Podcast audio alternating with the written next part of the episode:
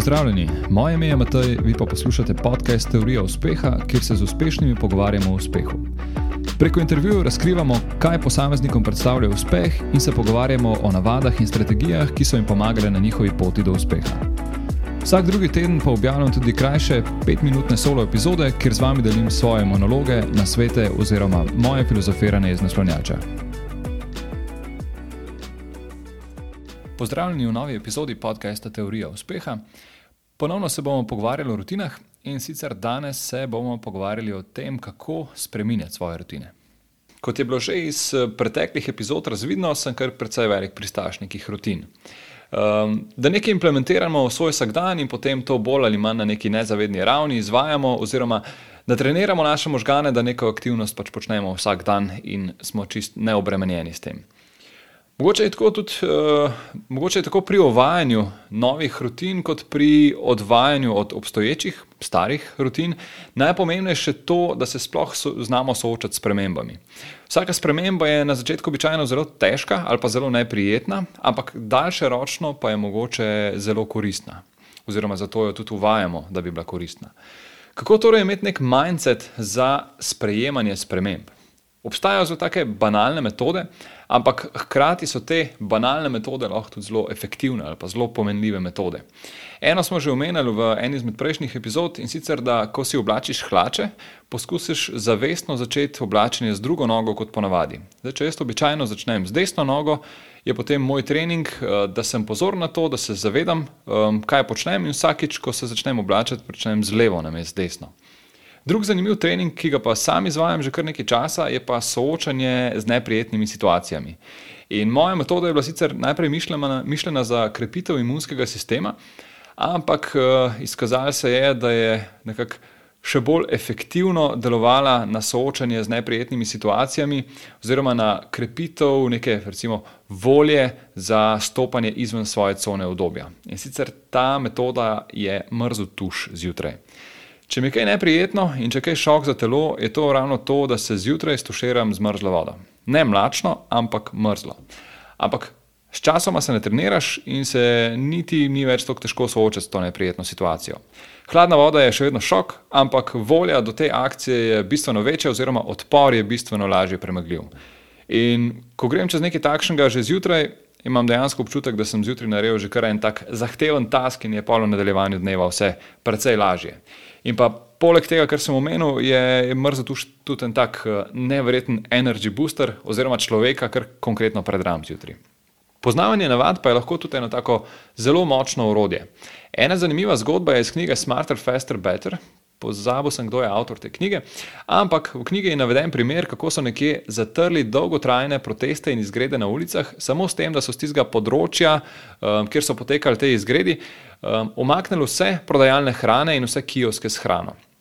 Ljudje tam so imeli navado, da so točno ob določeni uri uh, imeli kosilo. In ker niso mogli na ulici več kompenzirati um, kosila s tisto hitro hrano, ki so jo dobili, ki so jo prej dobivali na ulici, so se začeli odpravljati domov. In ko so prvi videli, da so začeli. Um, Ko so prvi začeli odhajati, in so drugi videli, da eni odhajajo, so jim pač sledili in so tako počasi protesti začeli nekako se umirjati, so zvodeneli. Tako da v bistvu je zanimivo, da je bila rešitev. Um, Boljša rešitev kot pa posredovanje z vojsko in policijo, ki prej nista imela ta pravega efekta, je bila to, da so uh, poznali neke trdo zakorenjene navade, ki so jih imeli tisti lokalni prebivalci in so na ta način razrešili um, problem, ki so ga imeli. Kot sem že omenjal v prejšnjih epizodah, če si postavimo neke rutine, ki nam pomagajo v življenju, oziroma ki nas delajo boljše, je to lahko res ena super zadeva. Ampak vsak pa ima priučene tudi kakšne rutine, ki na nas nimajo najboljšega vpliva.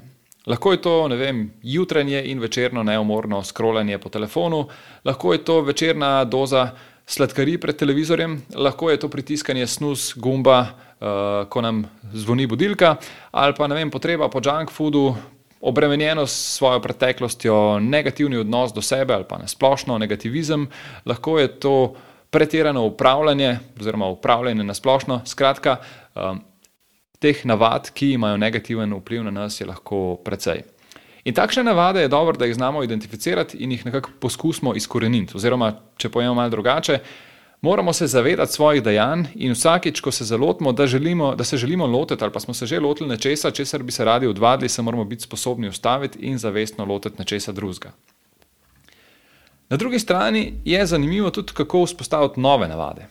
Obstaja sicer cel kup nekih pravil, koliko časa naj bi izvajal neko akcijo, preden to postane navada. Nekje pravijo um, 21 dni, neke raziskave potem kažejo 60 dni. Lahko, da so to res neka statistična povprečja, ampak definitivno bi rekel, da se ni pametno zanašati na to. Da ne bi potem bili um, razočarani, ker nam vem, po 21 dneh izvajanja nečesa to še vedno ni prišlo v navado. Um, nekatere stvari so nam pač bolj pisane na kožo in grejo bolj zlahka, za nekatere se je potrebno pač nekoliko bolj potruditi oziroma investirati nekoliko več časa, preden se na njih navadimo oziroma preden nam, um, tako po domače povedano, pridajo v kri.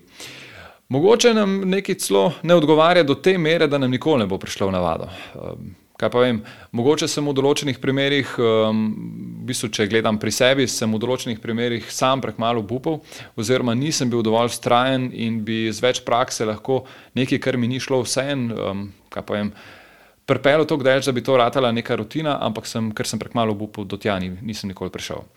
Um, Preizkušal sem v bistvu že marsikaj, še posebej v jutranjih in večernih terminih, od vem, meditacije, dihanja, različnih oblik rekreacije, joge, pranja in še lahko naštevo. Trenutno sem se pa po neki daljši pauzi ponovno lotil poskusa, da bi v svojo jutranjo in večerno navado vključil pisanje neke vrste dnevnika.